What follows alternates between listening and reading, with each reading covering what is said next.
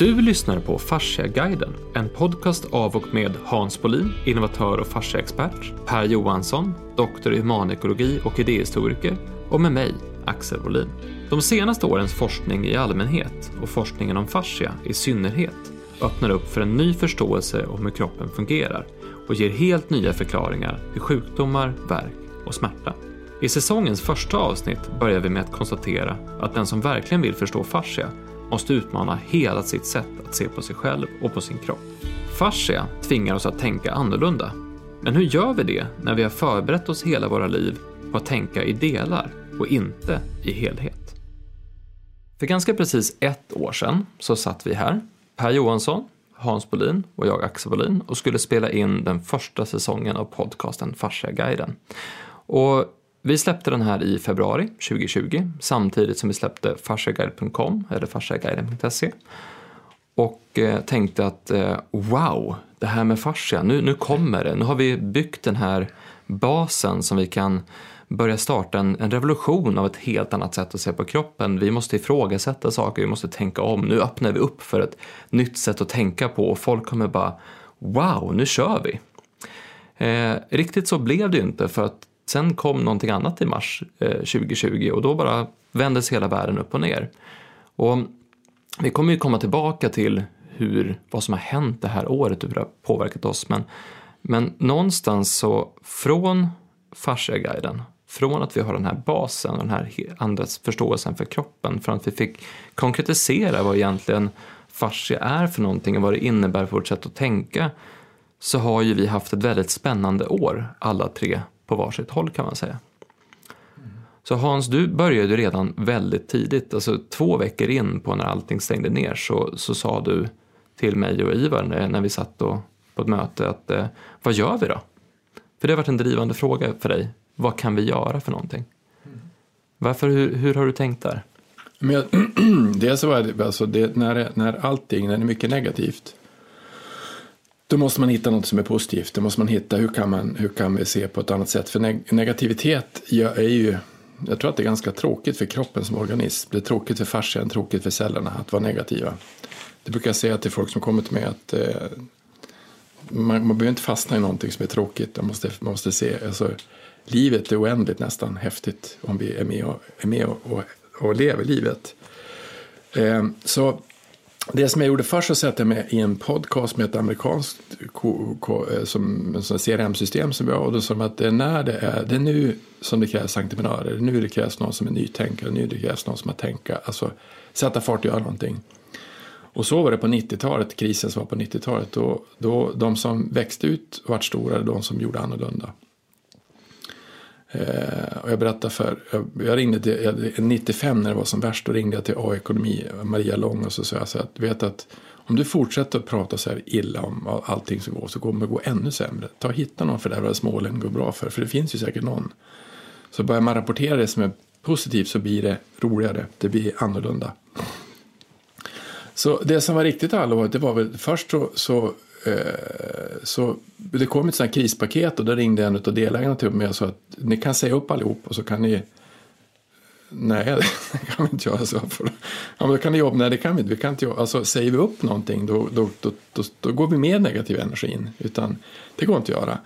Och Ivar kom till mig och sa, pappa det är allvar nu. Det, det, det, de, alltså, folk är rädda. Det går inte att sälja längre. För det vart ju tvärstopp. Alltså totalt tvärstopp. Vi hade jättemånga kunder som blev helt utan. Som varit helt jätterädda. Ja, och då så, eh, då så satt jag först så, så satte Camilla på att titta på kan du undersöka modern forskning på hur kan man boosta immunförsvar? Finns det någonting vi kan göra? Kan man springa eller man äta? Vad gör man för någonting? Och det gjorde hon det. Och sen så tror jag vi gjorde så att vi tog faktiskt och tittade på eh, vi satt oss med våran industridesigner. Och så gjorde vi om allting. Så vi gjorde om hela bolaget, allting vi hade till fascia. Vi gjorde om alla varumärken till fascia, allting. Vi gjorde fascia horse och fascia dog och fascia healthcare och fascia, fascia klinikerna tog vi fram ett mm. koncept för att göra. Kan vi hjälpa våra kunder att, att, att hjälpa dem i marknadsföring? Eh, och vi träffade ett bolag som heter Universal Avenue som jobbar med praktikertjänst, jobbar åt Apple och de hade ett sätt att egentligen man kan alltså ta fram system för att göra små bolag större genom att inte konkurrera med varandra. Eh, eh, så att vi försökte hitta vad, vad, kan vi göra för någonting som, som, som, som är positivt. Vad kan vi göra som driver saker och ting. Alltså hur kan vi satsa oss ur en kris istället?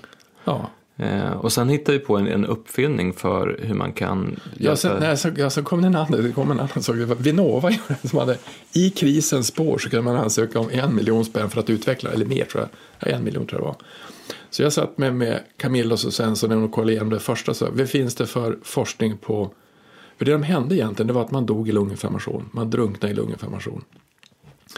Och då så finns, finns det någonting som man kan stimulera lymfan med? Ja, det fanns det. Och då fanns det då två stycken stora, det fanns tio stycken forskningsrapporter, men två stycken riktigt stora forskningsrapporter på hur man genom manuell artikulation, att artikulera lymfan och bröstkorgen kan sätta igång lymfsystemet. Så då gjorde vi det och så hade vi en annan modell som jag tittat på förut, en, en, ett sätt att, att göra en, en säng som, som rör sig. Att man då kan stimulera lymfan med att få hela kroppen att röra sig. För det som händer när man ligger stilla är ju att kroppen kan klogga ihop egentligen. Det finns egentligen två saker som driver lymfan. Det är andning och det är rörelse. Mm. Och man, man, rör sig inte så mycket i sängen kan man säga. Mm. Och man, andas så, för man andas ju inte så fördärvat bra i lunginflammation heller. Så att det är två saker som inte är speciellt bra. Eh, och, och så, så, gjorde vi, vi satt väl i 50 timmar tror jag med det där. Mm. Alltså på ansökan. Eh, och så satt du och jag och ansökte också om det. Men vi har egentligen jobbat hela året, eller du har lett ett arbete hela året för att titta på vad kan vi göra, kan vi göra istället? Att, vad kan istället, vi göra för att få igång saker? Få igång saker mm. Och det har väl varit ditt 2020? Det är ganska produktivt år kan man säga. Många ja, vi har hittat på mycket saker. Men, ja. Alltså försökt att titta på många saker för att hitta ett, alltså, få igång, alltså, alltså, vad finns det för någonting? För det finns ju alltid det, det är som de säger när de spelar, var, var det någonting som var bra i fotbollsmatchen? och, och någonting var någonting. Det finns ju alltid någonting som är positivt. Mm. Mm. Vad har du gjort under 2020 Per? ja, um, en, en sak som våra inspelningar gjorde och alla andra samtal vi har haft för övrigt uh, gjorde med mig var väl att det skärpte mitt fokus på just vad, vad är en kropp? Liksom. Vad, vad, vilken betydelse har kroppen för tänkandet? Eh, och det, det andra uh, samtals erfarenhetsutbyten jag har haft med andra personer också, vissa som väldigt ingående som har handlat om, om det och har, har väl verkligen skärpt min uppmärksamhet på frågan hur förhåller sig kroppen och tanken så att säga till varandra? Hur förhåller sig det mentala och det, det kroppsliga, det förnimmelsemässiga, självupplevelsen? Hur förhåller sig det till varandra. Det där har på sätt och vis länge varit en, eh, en fokuspunkt för mig filosofiskt. Men det har som sagt skärpts. Sen fick jag också i början av året då en, en förfrågan från Valante förlag om jag ville skriva en bok eh, till dem. Och då, då har eh, i och med i och med det här egendomliga året så, så har det kommit att fokuseras just på den frågan också. Vad är förhållandet mellan den här boken jag håller på och skriver? Fokuserar väldigt mycket på frågan eh, hur förhåller sig i mer allmänna termer då erfarenhet och tanke till varandra. Och eh, en sak vi kan återkomma till i olika sammanhang framöver här tror jag är att jag det finns mycket jag skulle kunna säga om vad den här boken handlar om, det ska jag inte göra. Men, men en, en väldigt fundamental urskiljning jag kommer att göra tror jag har väldigt stor allmän betydelse. Nämligen att, att skilja mellan begreppen förnimmelse, upplevelse och erfarenhet. Och hur man tänker på alla de sakerna. Om man, om man tar kroppen då ens kropp. Man är ju sin kropp. Man är också sin själ, man är sin tanke. Och allt det där hänger ihop på olika sätt. Som jag tänker på ett visst sätt så får det vissa kroppsliga effekter. Tänker jag på ett annat sätt får det andra kroppsliga effekter. Och det går, det går på andra hållet också. Och det man, om man, gör, om man liksom iakttar sig själv, observerar sig själv eller noterar sina egna reaktioner så kan man ju bli varse sina förnimmelser hur saker känns. Om jag tänker en oroad tanke, hur ska det gå? Då känns det på ett speciellt sätt i kroppen. Om någon säger någonting till mig som jag uppfattar som positivt, då känns det på ett speciellt sätt i kroppen. Eh, och det där kallar jag det är då direkta förnimmelser. De kan man ju notera att man har. Och direkt, det betyder ju att direkta förnimmelser har man hela tiden. Eh, om, om, om man då summerar alla förnimmelser man har i en viss situation så kan man kalla den situationen för en upplevelse. Jag, jag sitter och läser en bok, eh, jag träffar vänner, jag åker berg och dalbana, jag eh, eh vad jag än gör, alltså no, no, jag utsätts för någonting. Utsätter mig för någonting, utsätts för någonting. Det är en upplevelse. Och den i sig, lika lite som förnimmelsen, lär ju mig ingenting. Utan det är någonting, jag kan observera det där. Jag kan observera mina förnimmelser, jag kan notera dem. Jag kan eh, observera att ja, men nu upplevde jag det här. Det var väldigt skrämmande. Eller det här var väldigt njutbart eller någonting. Men själva förnimmelsen eller själva upplevelsen i sig lär mig egentligen ingenting.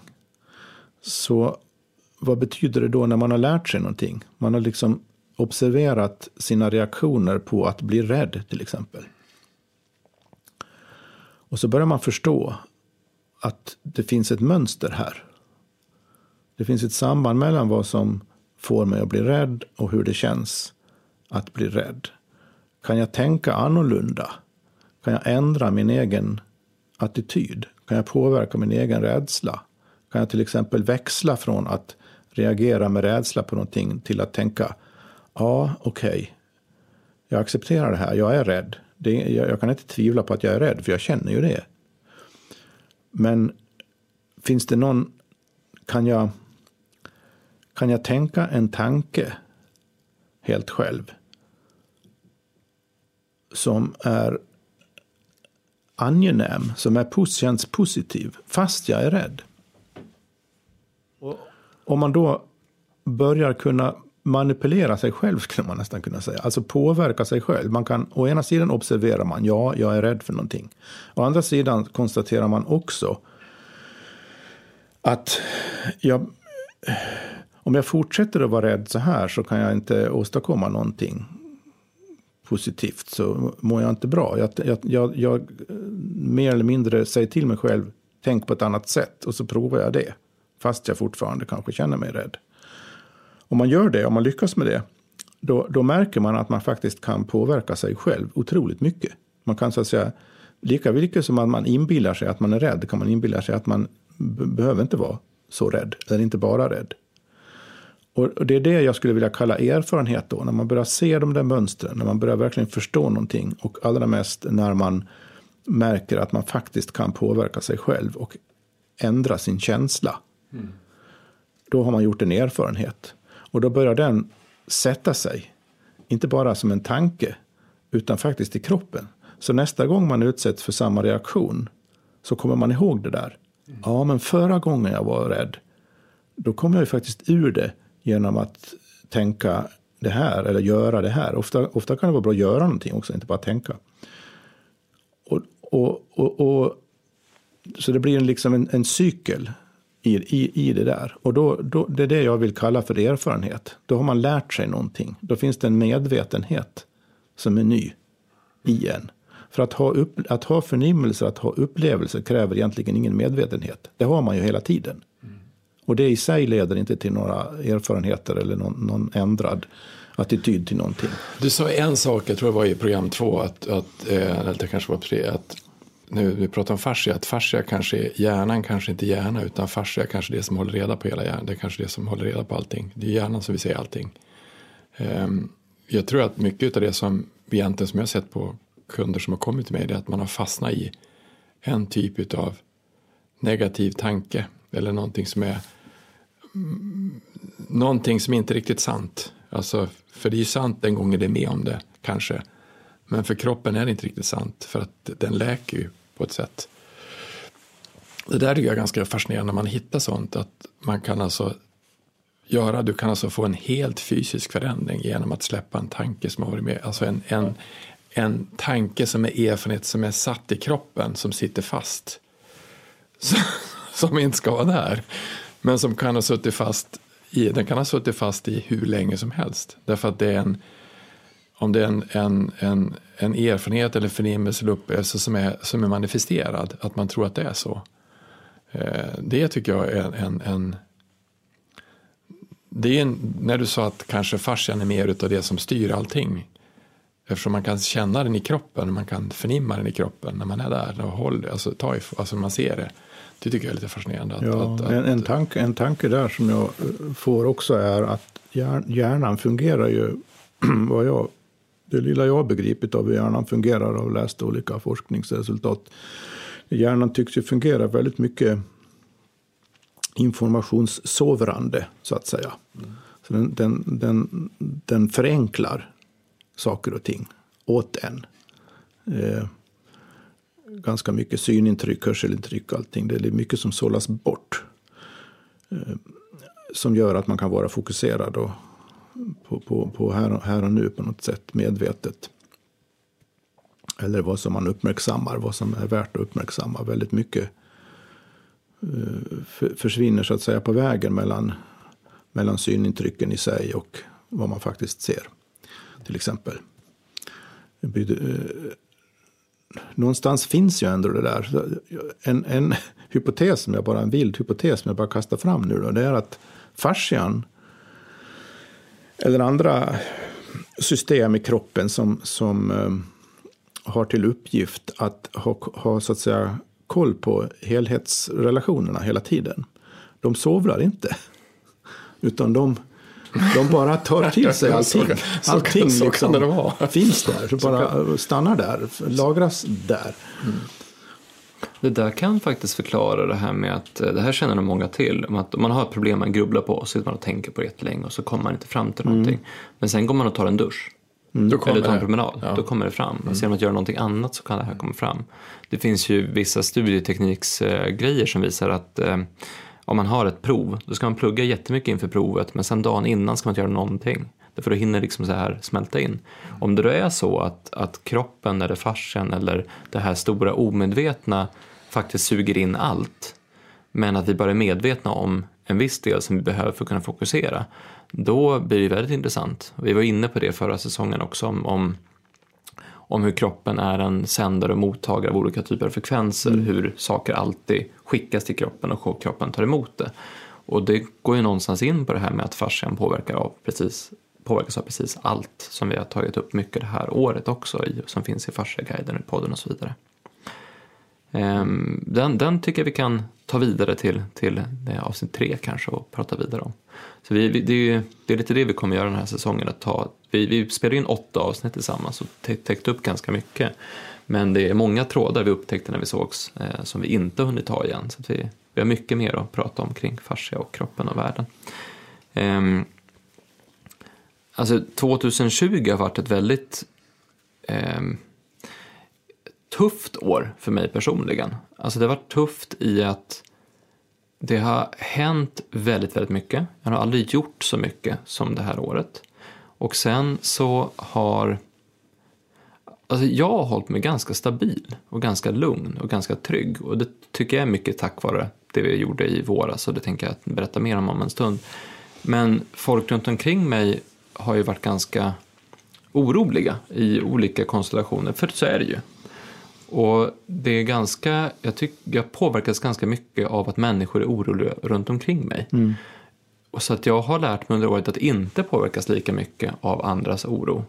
Och slutligen min egen oro. Ehm, tre saker som vi tog upp förra säsongen som verkligen har eh, satt sig i mig. För vi har ju föreläst om fascia ungefär 20 gånger också eh, och då testat olika resonemang som vi testade och se vad, hur reagerar folk och det lett till olika typer av samtal beroende på vilka som har varit där på föreläsningarna. Och en sak som verkligen eh, har spelat mitt liv i, under 2020 är att bara för att det är enkelt i teorin så betyder inte det att det är enkelt i praktiken. Och där har vi haft, vi pratar om idén om att det ska vara komplext, det ska vara så svåra teorier, det ska, mm. det ska finnas den här, den här planen eller modellen eller idén som kommer förändra allting för att den är så komplex och smart. Men tänk om det är så att det bara är de här enkla sakerna vi ska göra, det svåra är bara att göra dem. Så jag pratar mycket med, med kunder om det här, och med, med vanan. Alltså hur svårt är det att faktiskt förändra en vana? För att ett tankemönster är en vana, ett sätt att hantera en situation är en vana. Hur förändrar man sitt dagliga sätt att vara på? Ehm, och det jag jobbar mycket på i år, att titta på vad har jag för vanor, hur, hur hittar jag den här eh, snurran där? Och sen den här eh, jag är min kropp. För att varje dag tänka och inse att jag är min kropp. Det är inte jag och min kropp, utan jag är min kropp. Apropå det vi pratade om i avsnitt ett om att separera människan och kroppen, eller jaget och kroppen för varandra. Eh, det har gjort att jag fått en helt annan, ett helt annat sätt att se på min egen kropp. Eh, tagit hand om min kropp på ett annat sätt. Jag äter mycket mer kosttillskott, jag har haft en mycket bättre kost, jag har tagit mer promenader, jag har tränat mer regelbundet. Och, den, och det har jag inte gjort för att liksom vara duktig eller någonting sånt, utan för att jag har en helt annan respekt för min egen kropp efter det vi har jobbat med, med farser den senaste tiden. Och när det var som värst, framförallt var det i höstas, när vi hade så fruktansvärt mycket projekt igång samtidigt, så att jag jag känner att jag knappt haft en tid att liksom andas sen, sen jag kom tillbaka från semestern i augusti, för det har liksom gått så här. Det har varit extremt högt tempo på alltihopa. Eh, och det farligaste är när man blir orolig. Om jag är orolig för allting som händer, hur ska det gå med det här och hur ska det gå med det och kommer vi hinna det här och det här så och så. Då blir det lätt, jättestressigt och lätt paralyserande. Så att den här jag är min kropp-tanken, den har jag kört på kvällarna när jag ska sova. Men jag ligger och ska sova och så är de här tankarna snurrar i huvudet. Att nu, nu är jag rädd eller orolig, nu är det jobbigt, nu är det jobbigt, nu är det jobbigt. Vänta ett tag nu. Jag är min kropp. Jaha, och min kropp är helt fantastisk. Ja, det är den ju faktiskt. Jag har ju jag har sett hur det ser ut i en kropp och vilka system som är igång. Och det finns ju ingen... Det, det, den här kroppen kan ju klara vad som helst. Den är, den är ju oändlig, den är obegränsad, den är fantastisk. Den, den bygger ju om sig själv hela tiden. Det är massa processer i den här kroppen. Så att genom att tänka att jag är min kropp så inser jag att men, jag är rätt jag är rätt fantastisk också, nu kan jag hantera det som kommer min väg. Jag behöver inte vara orolig för någonting. Och så fort man släpper den oron så kan man sova jättebra, så vaknar man upp dagen efter och pigg och redo att köra igen. Så att det, det här med den här som du säger, att du har en, en förnimmelse i din kropp och sen så blir det en upplevelse av rädsla eller oro och så vidare, hur man reagerar på det. Men när man börjar titta på hur man hanterar, hur hanterar man oron när man förstår att jag är, jag är min kropp. Då kan man hantera oron och klara sig vidare från det. Så det har gjort jättemycket för mig, eh, den här podden och det vi har, det vi har tänkt på, just att man, man kan tänka annorlunda.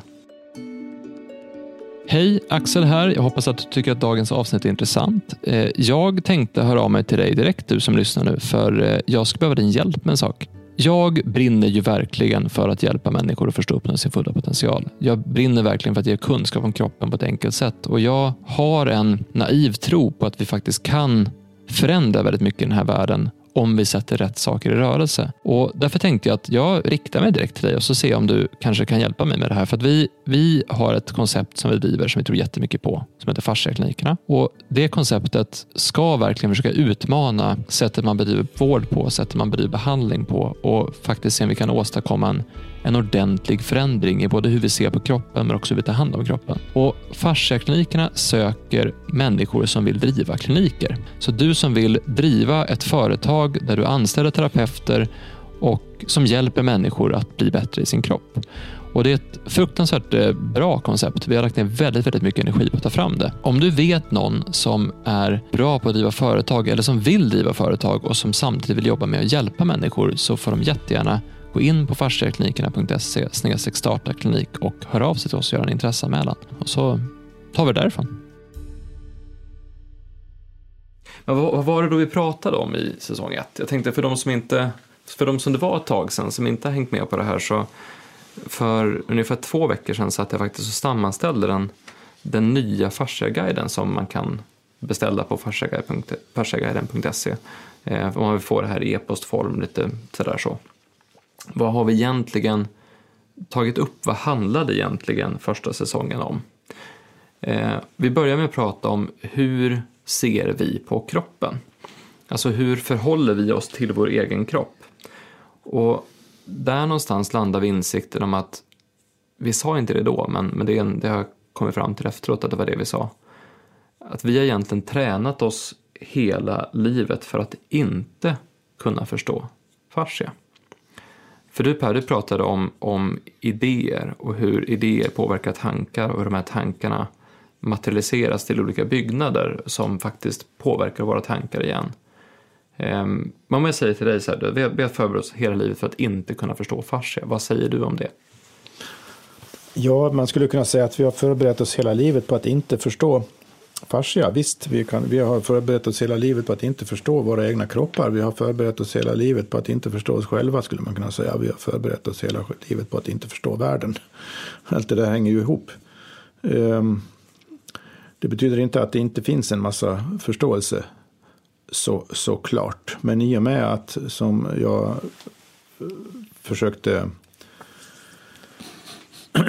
utreda någorlunda utförligt, jag tror det var i program två i förra säsongen, så när en, en viss idé, en viss tankeskola, en viss föreställning om verkligheten har blivit etablerad i samhället så institutionaliseras den, så manifesterar den sig fysiskt kan man säga. Inte bara i byggnader utan, utan också i rutiner, i utbildningsprogram, i hur man delar upp ämnen i skolan och på universitetet och alltihop det där. Och när, när, när, när en viss idé då om, om kroppen, om människan, om världen har, har blivit så befäst så att säga. Så att, det, så att den det är inte bara en tanke utan det är, den, den är så att säga en del av världen vi lever i, vår egen människokonstruerade värld som vi lever i.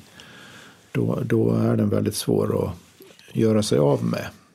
Så att det, om, om vi, den institutionalisering vi har fortfarande idag nu då, den, den, går, den bygger ju på att man bör vetenskapligt sett till exempel separera yttervärlden från den inre världen. Den inre världen kallar vi subjektiv och den sysslar inte vetenskapen med annat än som rena observationer av, av beteenden till exempel. Så att eh, vetenskap handlar om världen sedd så som yttervärld. Och eh, människor är, och allt annat är egentligen separerat från vartannat. Och det finns ingen riktig, riktig koppling mellan det inre och det yttre. Det där, det där är ju en rent filosofisk tanke. Men i, i vår kultur nu då, i vår civilisation så är den, är den liksom manifesterad i institutioner. Så att vill man, vill man på något sätt förstå det här jag var inne på nyss och som du relaterar till också Axel med förhållandet mellan förnimmelser, upplevelser, tankar. Den sortens så att säga rundgång då, då, måste man ta hänsyn både till yttre förhållanden och hur saker och ting känns i en själv. Man måste mm. tänka ihop det. Och det är vi institutionellt, utbildningsmässigt, extremt usla på att göra. Mm. Vilket innebär att, eh, att vi har lärt oss, om, om det är rätt, om det är rätt att tänka ihop det inre och det yttre och se att det finns samband som hela tiden så att säga justeras i förhållande till varandra i våra egna kroppar vår egen upplevelse av tillvaron, i hur vi tänker, i hur vi reagerar, i hur vi känner. Om det finns en sån koppling och det, det är inre yttre växelverkan hela tiden. Om det är sant, då är faktiskt mycket av vår institutionaliserade verklighet och utbildning och syn på världen fel. Den blir svår. Alltså, och det, det, för, det, det betyder inte att all kunskap som har vunnits på de premisserna är fel. Men det betyder mm. att det grundläggande perspektivet på livet är fel. är fel. Och själva levandet, vad nu än, nu sitter vi här och pratar, vad man än gör hela tiden, så det är ju själva livet i en och hos en och med en. Det, det, det bryr sig inte om sådana där Nej, jag tycker, idéer. Jag tycker det, det, är så, alltså, det är två reflektioner jag får, men den, den första är ju en... Jag, när jag träffar folk så brukar jag fråga, eh, då har vi en sån här humorlapp. Och så fyller man i den och så sen så är det någon kom då, då kom det en kvinna till mig med en annan som hon rekommenderade. Och sen så det, hur mår du egentligen? Nej jävla Tony, sa hon hon svor. Alltså, alltså, bara jag sa någonting så bara svor hon. Så den, ja, är ja, han, är, han har ju lämnat mig för en, för en 18 någon ny kvinna och, bo, och köpt bil, bo på Östermalm. Och det var, alltså, det var bara, jag behövde bara trycka på en knapp. Och att, det var ju bara att fråga hur mår du egentligen? Och då berättade hon om skilsmässan och att hon blev sviken. Och att fyra barn, tre barn har vi. Och när han träffade en ny. Och så sen, vet, det är klart att det, jag tittade på henne, det var ju bara, det rök i öronen på henne. Alltså hon var ju så arg som en sant. Hon var, hon var besviken, sviken, arg. Det är klart att hon hade ont i ryggen, det är klart att hon hade, hon hade ont överallt, för hon var ju totalt kaos. Och det var ju först när, men, när vi då, sen fick hon ju sitta och berätta om den karln i 20 minuter. Och det, och det var ju inte, hon har ju kört varvet runt med honom alltså hela tiden. Till, så att vad fantastiskt bra att du har varit med om det där. Hur kan du säga det? Ja, men det har ju varit. Så fick man så nysta upp det där att, att det här är ju någonting som du måste lämna nu, för det var ett år sedan det hände. Och det är först när, när det blivit lugn i henne som det går att behandla hennes kropp. Mm. Annars går det inte. Det är intressant. Det går, det går inte att göra. Och, det, och sen, sen säger man att nej, nej, det finns inga tankar och ingenting med hur du mår att göra. Det är ungefär, alltså tankar är energi. Vi, alltså som du säger, som du sa i förra avsnittet, så att ja, men, det är när vi har tankar och idéer. De stannar inte i huvudet på folk. De far ut, de blir byggnader, de blir någonting. Och det är ju samma sak, tankar som är inne i huvudet som far fram och tillbaka som är vilken idiot, du kunde lämna mig. Och de, det finns ju ingenting, det finns ju ingen yttre värld då. Det finns ju bara en inre värld och den inre världen är i vägen för den yttre världen. Så då blir ju kroppen less på, men du kan du säga åt honom att sluta? Alltså, han är klar nu, det är ett år sedan. Och det där är ganska, jag tycker att det är fascinerande att se eh, när man träffar folk som inte förstår att tankar påverkar kroppen. Men, men det är ju det som är intressant, att det är inte så konstigt att man tänker så. Nej, nej, Därför att, nej. För att du har ju, enligt den här yttre världen, inre världen uppdelningen så tillhör ju, vi sa ju det, kroppen tillhör ju yttervärlden. Den tillhör det objektiva. Medan Ja. jag och mina känslor och tankar är inuti. Men det luriga med det är att kroppen är ju också inuti mig. Alltså det som är fysisk kropp är ju också inuti, så det är ju inre.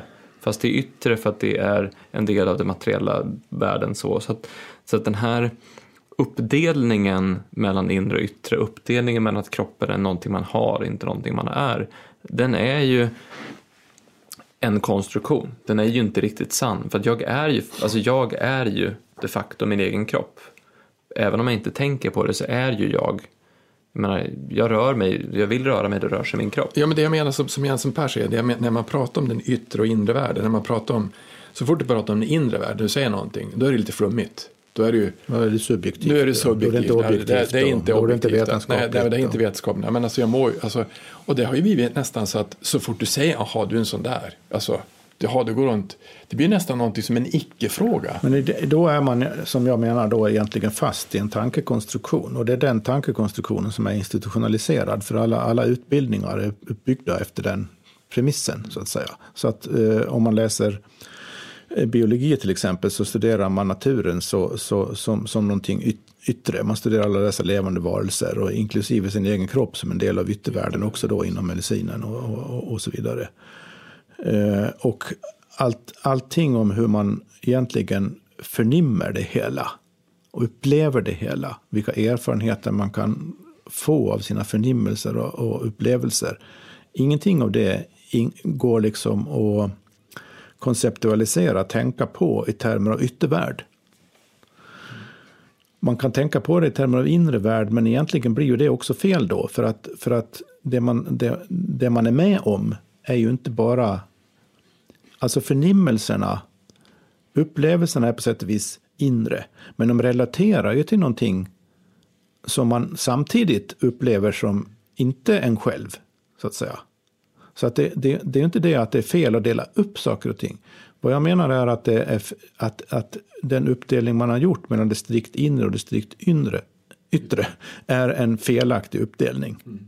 Däremot, så, i och med, som jag sa innan, eh, genom att göra en skillnad mellan förnimmelser, upplevelser och erfarenheter och eh, med, eh, konstatera att man kan bli medveten om det där och alltså medvetandegöra sig själv mer och mer, öka sin medvetenhet. Det förutsätter ju att det finns en, man skulle kunna kalla det någon sorts observatör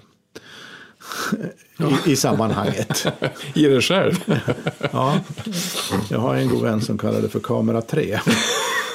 Så man har liksom två kameror. En kamera som är, som är inriktad på ens inre förnimmelser och en kamera som är inriktad på vad man uppfattar som händer i yttervärlden. Och kamera 3 konstaterar då vad, hur hänger det där ihop.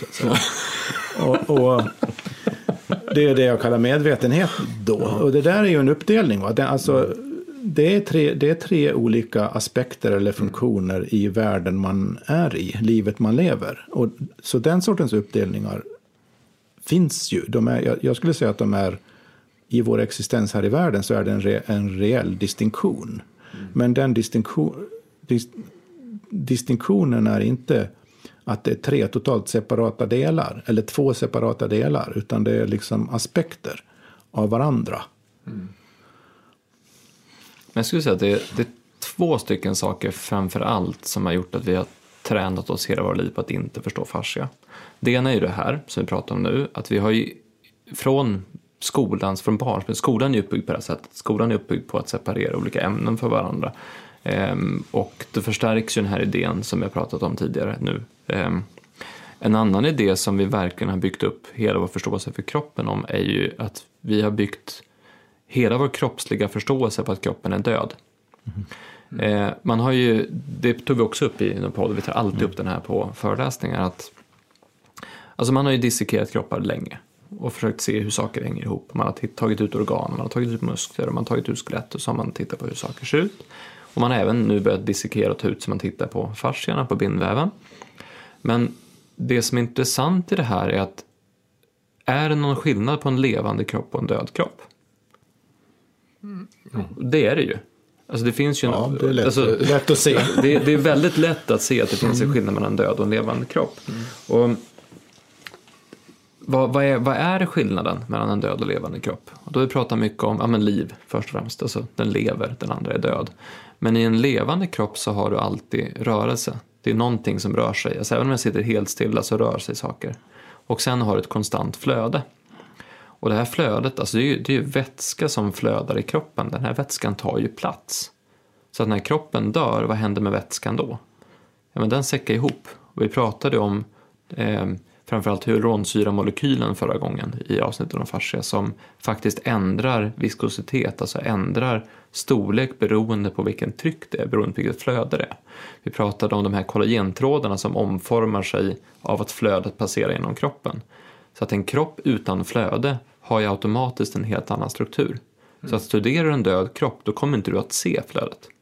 För flödet finns inte, därför att flödet är liv. Så flödet finns bara i en levande kropp. Ja, man skulle kunna, till och med kunna säga att definitionen av en, av en död kropp är att flödet har upphört. Och det, det är ju flöden i en väldigt eh, omfattande mening. Det är ju flöden av information, det är flöden av näring, det är flöden av vatten. Eh, man kan säga att kroppen hålls vid liv genom olika typer av flöden genom sig, så att säga. Och svagström och elektricitet. Och ja, alltså hel, det, det, alla möjliga saker från, från information till mat. Mm. Passerar genom och luft, andning, ja, passerar allt, ja. genom oss hela tiden. Ja, så att vi, bara det konstaterandet innebär ju att vi är inte ett dugg separerade från omgivningen överhuvudtaget. Vi är, vi, vi är särskiljbara så att säga från omgivningen. Jag kan säga att där sitter Axel och där sitter Hans. På det sättet så är, vi distinkta. Mm. Men, men eh, i förhållande till de flöden som passerar genom oss hela tiden så är vi inte särskilt distinkta egentligen. Nej, inte, inte, inte om du tittar om du är mer på partikelnivå heller så är det mesta är ju inte så mycket. Så Nej. då är det mest ingenting som sitter. Men, men det här, alltså utan att gå in på partikelnivå eller gå in på att prata om olika, alltså luft, alltså intuitivt så kan du förstå att det finns en skillnad mellan en död och en levande ja, kropp. Det är ja, väldigt det tydligt. Ja. Um, men när vi studerar anatomi så låtsas vi som att kroppen är död. Och då är det här som Neil Thies pratade om i den här videon från Fascia Research Congress, att, att nu har vi ett sätt att se på kroppen när den lever, när den är tredimensionell och det ser inte ut som vi trodde. Så att det intressanta med fasciaforskningen som kommer nu är att det, det är konkret västerländsk anatomisk forskning som visar att en levande kropp ser inte ut som en död kropp. Den här vätskan är på ett annat sätt. När östrogen passerar genom kollagentrådarna så säger de åt eh, kollagentrådarna att bygga om, alltså fibroblasterna bygga om kollagentrådar så att kroppen bygger om sig inifrån. Eh, när en, eh, jag skrev en artikel häromdagen om, om eh, eh, gravida och eh, C-vitamin.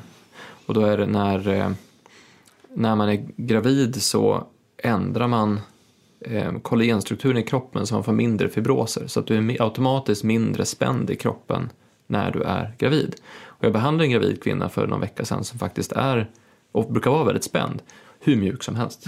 Förutom där hon hade sitt gamla problem som hon har haft i, i, i åtta år. Så att det finns, det finns en forskning på, när man forskar på det som lever istället för det som är dött så ser man helt andra grejer. Och då måste du, när du forskar på det som lever måste du observera. Du måste se på ett annat sätt. Ja. Du måste ta in helhet ja. på ett annat sätt. Mm.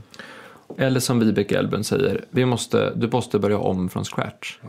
Därför att om du har byggt hela din bild av kroppen på en död kropp och så kommer det, den lever, det ser annorlunda ut, då måste man börja om med grundantagandet att kroppen lever och sen stoppa in kunskapen om vi har från en död kropp i det. Man kan inte ta, okej okay, det här är en död kropp men låt oss stoppa in liv i det. Det blir som fel, fel ände att börja från. Så det vi kunde konstatera med Farsaguiden, med första säsongen, med det vi har gjort och så vidare är att vi måste tänka på ett helt annat sätt. Eh, vi även pratat, alltså det här omdefinierar hela vårt sätt att se på kroppen. Jag tror det som vi gjort mycket med inryttare med att perspektiv, alltså tänkande som jag tyckte var mycket, som jag tycker är intressant med många, många saker som du sa. Hur, hur, hur gammalt är tänkandet och hur har vi fastnat i det tänkandet vi har? Och hur kan det komma sig att eh, ja, det är små, små saker som gjort att det blivit som det är. Men, men eh, det som jag tycker är mest fascinerande det är ju att vi inte reflekterar hur vi tänker om oss själva. Hur, vi, hur, vi, hur tänkandet påverkar oss.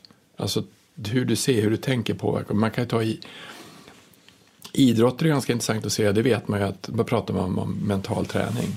Det är ju jättesvårt att inte vinna om man inte kan, tror att man kan vinna. Det är rätt mm. omöjligt kan jag säga. Mm. Eh, och det där, de har ju, för dem är det viktigt att hålla på med mentalt. Det, det var någon som jag, jag kände mig trygg på skjutvallen. Jag, jag tycker inte det ser tryggt ut när de står där och vipplar på men hon var trygg på skjutvallen och då vann hon. Så det är ju det är att, att, vara, att, vara i, att tycka att det är okej okay, där man utsätts för sådana saker. Och där är det okej okay att, att tänka så. Men, men vi funderar inte på, det är inte, vi har inte funderat på hur påverkar vårt tänkande eller saker som finns hur vi egentligen mår. Eh, och det, jag, tycker, jag gjorde det för några, ja, tio, tio år sedan, eller på med något som heter The Work. Det att man egentligen skriver upp en tanke som man har som är negativ. Och så frågar man om den är sann. Är du säker på att den är sann? Ja, jag är säker på att den är sann. Men du måste skriva ner den. Mm. För om den är här uppe, då är den här uppe i huvudet. Jag mm. pekar på huvudet nu. Men jag skriver in den, då måste du fråga, ja, men är den sann? Ja, den är sann. Ja, till slut är du absolut säker på att den är sann. Ja, är du med? hur menar du egentligen? Ja, men är du absolut säker på att den är sann? Till slut så är den negativ så är den aldrig sann. För det finns alltid något annat sätt att se den på. Mm. Sen kan du vända den till någon. Ofta är man förbannad på någon. Det är någon som inte är bra. Mm. Men egentligen som man tittar ifrån mitt perspektiv så är den enda som finns i mitt liv det är jag. Det finns ju ingen annan. Mm. Så om det är fel på någon annan så är det fel på mig. Så om de inte förstår, då är det jag som inte förstår. Om, ett konkret exempel på det här som du pratade om, jag tror du pratade om det lite grann i podden förut, är, det där borde inte ha hänt. Just det. För det är, en sån, alltså, det är en sån grej som att... Är du säker på att det borde inte ha hänt? Är du säker på att det borde inte ha hänt? Ja, jag är bombis på att det inte borde ha hänt. men det hände ju. Och då, då, då, får man ju som acceptera det. Så säga, vad, vad, vem skulle du vara utan den tanken? Ja, jag skulle vara lättare, i, jag skulle vara lättare att tänka då. Jag skulle inte vara lika arg. Jag skulle inte vara lika sorgsen. Jag skulle vara mycket lättsammare. Då får man ju andra sätt att se på sig själv. Så att genom att fundera, alltså det här skulle jag, jag tror att när jag gick på lärarhögskolan tyckte jag att man skulle, då tittade jag på psykologi. Och det har inte förändrats. Alltså, när, man, när man tittar på psykologi så är det samma sak som vi kollade på förut. Det är ju Jung och, och alla de här som fanns och den läraren som finns. Men det är ingen som tittar på, men hur kan du ifrågasätta dina tankar? Alltså hur kan det som Axel sa i förra avsnittet så att eh, lärarna kan, som ni föräldrar lär ut, hur kan man, hur kan man få bättre betyg? Man svarar på helhet istället för delar. Det är ett annat sätt att tänka. Alltså, tänk, alltså hur, hur, hur, vad ska jag göra med mitt huvud, vad ska jag göra med tankarna som finns? Så jag tycker det är ganska intressant att, man, att det inte lärs ut, att man inte förstår hur mycket det påverkar hela kroppen. Eh, för det påverkar blodtryck, det påverkar... Eh, all, alltså, all, I fascian påverkas av allting. Allt. Men erfarenheterna från det här året som har varit eh, för mig och då för dig egentligen mm. också. Att vi, vi, har, vi var någonting på spåret. Alltså det vi kom fram till teoretiskt under förra serien, det, det funkar faktiskt i verkligheten. Alltså de, de metaforer och bilder som vi använt för att förklara det här har gjort att vi faktiskt förstått fascia på ett bättre sätt, förstått våra egna kroppar på ett bättre sätt och gjort att vi har mått ganska bra det här året som har varit ändå. Mm. Ehm, och så har vi tittat mer på fasciaforskningen. Alltså Camilla har ju läst ytterligare 500 till 2000, ja, 2000 artiklar. Liksom. Så forskningsdatabasen, vi har lagt upp en forskningsdatabas också på, på 1000-1500 artiklar som hela tiden håller på att utöka. Så att det, är mycket, det finns mycket forskning. Um, så men vi har någonstans också sett det här med att ja, men, okay, vi separerar kroppen från, från oss själva. Vi har tittat på en död kropp så att vi måste någonstans tänka på ett annat sätt. Vi har tränat på att inte förstå fascia men, men vi måste tänka på ett annat sätt för att kunna förstå fascia.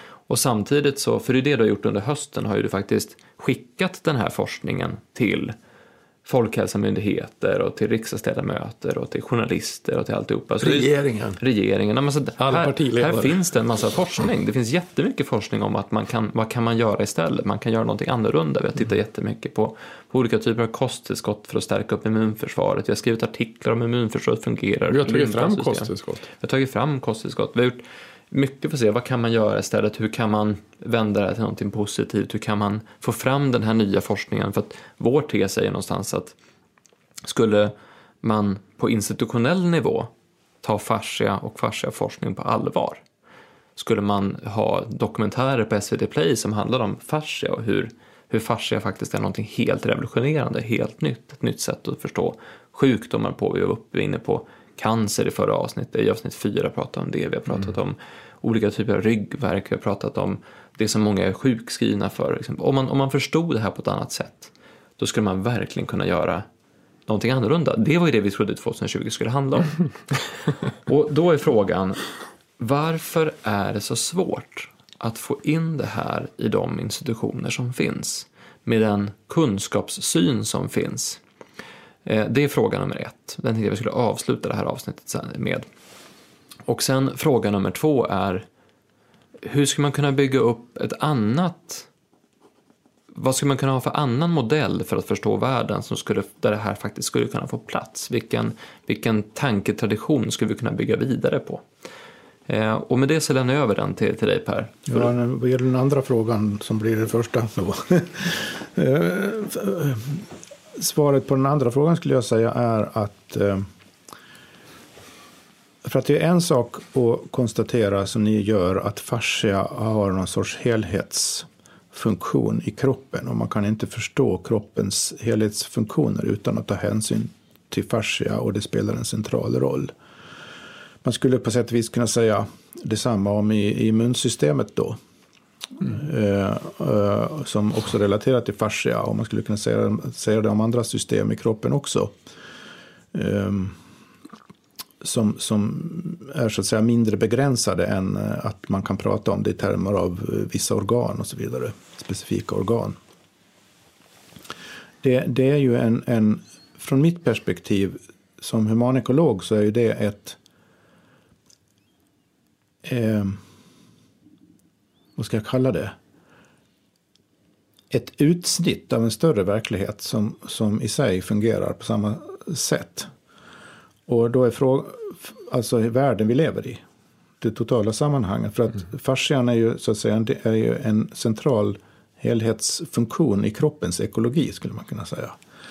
Kroppen i sin tur ingår tillsammans med alla andra kroppar och varelser och djur och växter och atmosfär och allting ingår ju i större system. Och det brukar vi prata om i termer av ekologi.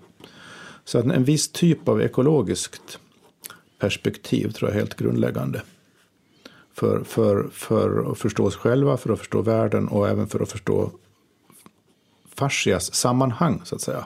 För fascia, världen består ju inte bara av fascia, om man säger så. Får jag fråga, får jag fråga så, har, har, du, har du hört talas om kroppens ekologi någon gång?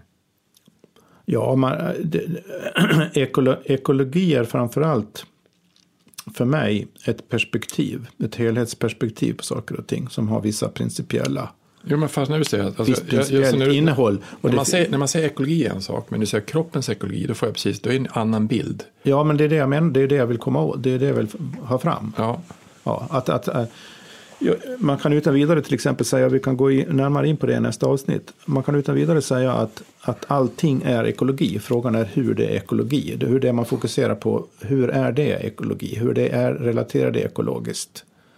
Till andra ekologier. Det finns, en, det finns en total ekologi skulle man kunna säga. Hela universum är den mest totala ekologin. Och, och, och jorden, planeten jorden är, är, är, är då en lokal ekologi i universum skulle man kunna säga. På samma sätt så är våra kroppar loka, ännu mera lokala ekologier på jorden då. Men, all- men allting kan förstås ekologiskt. Om man, om man, om man tänker så, principiellt så, då, då, då, då har man verkligen ett annat perspektiv och får syn på andra saker och får andra associationer. Och det betyder inte att man bortser från eller ignorerar alla de här komplicerade delarna. Men, men man ser vad de är delar av för någonting. Och kan ställa andra frågor. Och på den första frågan då, varför är det så svårt att få in den här typen av kunskaper i de institutioner som finns?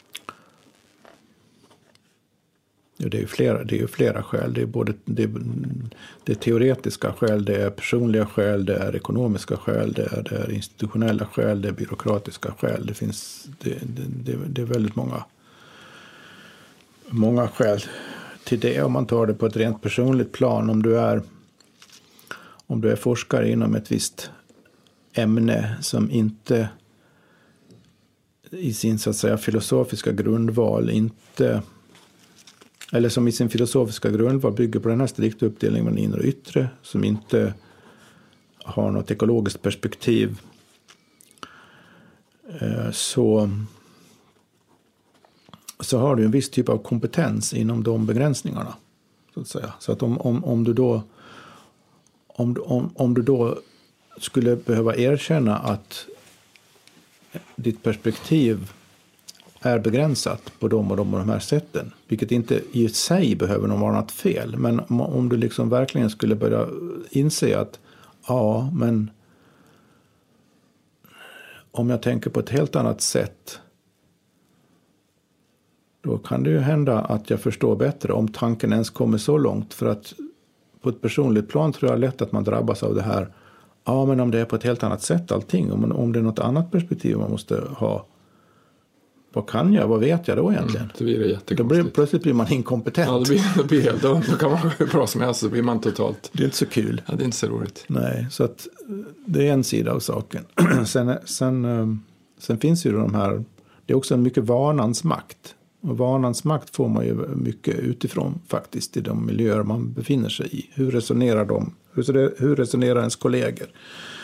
Hur, hur, hur, hur, eh, hur delas det upp eh, saker och ting i, eh, på den här institutionen jag är på? Hur- Vad är det vanliga sättet att resonera och så vidare? Det, det är väldigt många dimensioner i det där. Det är, det, är, det är historiskt välkänt det där att det är fruktansvärt svårt att, att ändra etablerade idéer. Det, går, det går väldigt långsamt. Och, och kräver som regel någon sorts filosofisk förvandling av, av inte bara inom vetenskap eller någon annan specialiserad verksamhet utan det kräver någon sorts filosofisk förvandling av, av, av, av hela samhället. Ja, eller något helt, alltså, jag tänkte på, eller något helt annat sätt att tänka. Som, om du tar han som, han som varit årets svensk idrottare, Duplantis. Han, han är ju inte speciellt, han har gjort en annan sak som ingen annan har gjort, han springer skitfort. Han är ju ganska liten och inte speciellt stark. Det ska ju ta jättelång tid att bli höjdhoppare. Och han är väl, vad är han, 21 år, 20-21 år. Han, han har ju fruktansvärd hastighet. Så att han har ju, ju fortare han kan springa, ju styvare stavgarn, ju högre hoppar han. Så han har ju bara löst det på ett annat sätt. Alltså han, farten är mycket viktigare. Annars säger man att, att höjdhoppare ska ju vara så otroligt gen, genomtränade. Han är ju svagare än alla sina kompisar. Han har högre fart. Så jag tror att det, det, krävs, det krävs som att tänka på, alltså på ett helt annat sätt än, än andra gör. Men, så egentligen, Men det som hindrar oss eh, är framför allt, man kan skylla på, skulle man kunna säga, institutioner och utbildningsformer och allting. Men i grund och botten det som hindrar oss är ju i, egentligen bara vi själva. Ja, det faktiskt. det faktiskt. För att man, man måste ju inte acceptera sitt sammanhang heller egentligen. Så, så gör, man, gör man det så, så, så finns det väl någon personliga skäl till det då. Men och det är där någonstans, så att egentligen så om jag, om jag är riksdagsledamot eller om jag är eh, chef för ett stort företag eller om jag är en, en vanlig människa med, ett vanligt jobb eller vad jag nu har för typ av person, oavsett vilket inflytande jag har, så handlar det någonstans om, om mig. Ja. Alltså om vad jag ska göra. Och då måste man först och främst kanske ha en, en vilja att göra det. För det här är ju inte att tänka på ett annat sätt, att se kroppen på ett annat sätt, att börja, att börja titta på världen på ett annat sätt och, och ta, ta, åt, ta, ta åt sig det här som vi pratar om är ju inte, det är ju lite halvjobbigt ändå.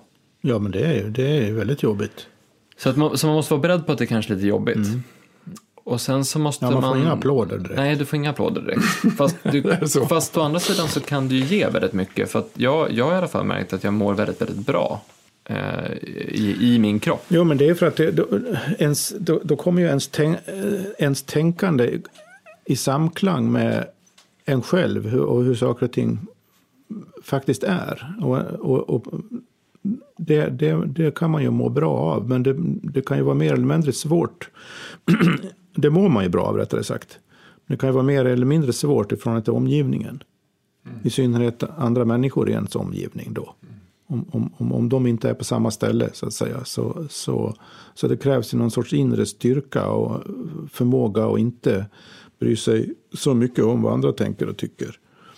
Så man skulle kunna säga också att tycker man att, att allting är bra precis som det är, då är det här kanske inte en väg att man ska gå. Nej, det är det ju inte. Utan man måste någonstans tänka att det är någonting som kanske inte riktigt är som det ska. Antingen i förhållandet mellan mig och min kropp, eller min kropp och världen, eller jag och världen, eller världen och jag. Att någonting kanske inte riktigt är 100% överens. Då, då är det här en väg att gå. Det, det, Och för att gå den här vägen så, så kan det ju viktigt att träna på hur man... Alltså du måste gå den här vägen, tror jag, i att känna efter själv, tänka själv. Alltså det, det här, det finns ingen som kan berätta för dig hur det är. nej. För att om du lyssnar på, på oss ordagrant exakt vad vi säger, då kommer du inte förankra det i dig själv. Utan du måste förankra det i dig själv genom att verkligen känna efter själv och göra det här till ditt. Och testa erfarenheterna och se. Och för att göra det så måste man vara beredd att, att lyssna. Både lyssna på kroppen, eh, lyssna på sig själv, lyssna på andra. Ja, eh, inte, och, framförallt också, eller inte framförallt, men verkligen också lyssna på andra idéer än de man normalt har, så att säga. Och lyssna öppet, för det, det är Ja. också märkt att om man går in i en situation och på förhand har bestämt vad man ska tycka eller på förhand har bestämt hur man ska tänka kring det, då kan man ju, Nej, man ska undvika att gå i polemik och man ska undvika att debattera. Utan att bara liksom sitta och lyssna totalt, eh, nu, nu sitter jag här och lyssnar på dig en timme och så ser jag vad som händer. Och inte tänka vad man ska säga härnäst och inte så här, utan faktiskt lyssna på andra människor och, och så. Och någonstans kanske också förstå att man behöver inte hålla med 100% om vad, vad vi säger här, men det kanske finns eh, någon guldkorn här som kan förändra någonting. Och det blir ju inte förhållande till alla typer av experter man lyssnar på, eller typer av sakkunniga, att man, man lyssnar på det, funderar, vad tycker jag är bra i det här? Eh, och sen men det, det kräver också ett litet mod att våga testa olika... eh, vi pratade om- någon gång, i avsnitt fem spekulerar vi väldigt mycket. Och så sen så det är vi också ofta när vi ses och pratar i andra sammanhang också. Att, att det, det är okej att, att det blir fel. Man kan ju testa idéer som är lite tokiga också. Alltså man, Ja, man måste nästan testa tokiga idéer för att, för, för att det, när man inser, det, det är intressant det där hur man, man te- om man så att säga lever sig in i tokiga idéer så blir man lite tokig själv ett tag. och, och, och så småningom märker man att ja, men det, där, det där var väl ingen bra idé. För att den fick mig ju må, må si och så och den stämmer inte överens med andra saker jag vet och så vidare. Nej, men den där måste jag nog överge. Men fördelen med det då är ju att då vet man betydligt säkrare än innan att det är en tokig idé. En tokig idé, och precis. varför det är en tokig idé. Så att eh, man, det enda sättet att, att, att egentligen pröva vad som är rätt, det är att känna och komma fram till vad som är fel. Ja, Just det, man vågar testa, man vågar löpa linan fullt ut och kände, kändes det här bra? Nej men det här kändes fel, okej men då var det nog fel. Det roliga är att vi är faktiskt jätteduktiga på att göra det här. Därför vi gör det här varenda gång vi ser en film. Varenda gång vi Ja, ser en ja. film så låtsas vi om att det som händer i filmen faktiskt, vi, vi stäng, det är vad heter det, suspension of disbelief. Just det. Att vi, vi säger att ja, men okej, nu, nu accepterar vi att man är ute i rymden och Mm. slåss med lasersvärd. Eller nu accepterar vi att vi är i, en, i en medeltiden och hit och dit. Nu accepterar vi att det finns en värld som heter Westeros och i, Game of Thrones. Alltså vi accepterar att det, det är annorlunda och så går vi rakt in i det för en stund och, och glömmer bort att det här Ja, så inte att det är väldigt bra att ha samma inställning till idéer och tankar och filosofier då också. Som att det är en film. Mm. Och då kan man ju våga testa det i andra idéer, men våga inse att man har fel. Alltså, kan ju- Provtänka, provprata. Provtänka, provprata, eh, våga ha fel, våga eh, testa. Men så, alltså, jag, jag ser också när jag träffar folk, när man ska behandla folk, så är det, det är ju också, jag tycker mer att man har fastnat i idéer som är inte nu, alltså man är något annanstans.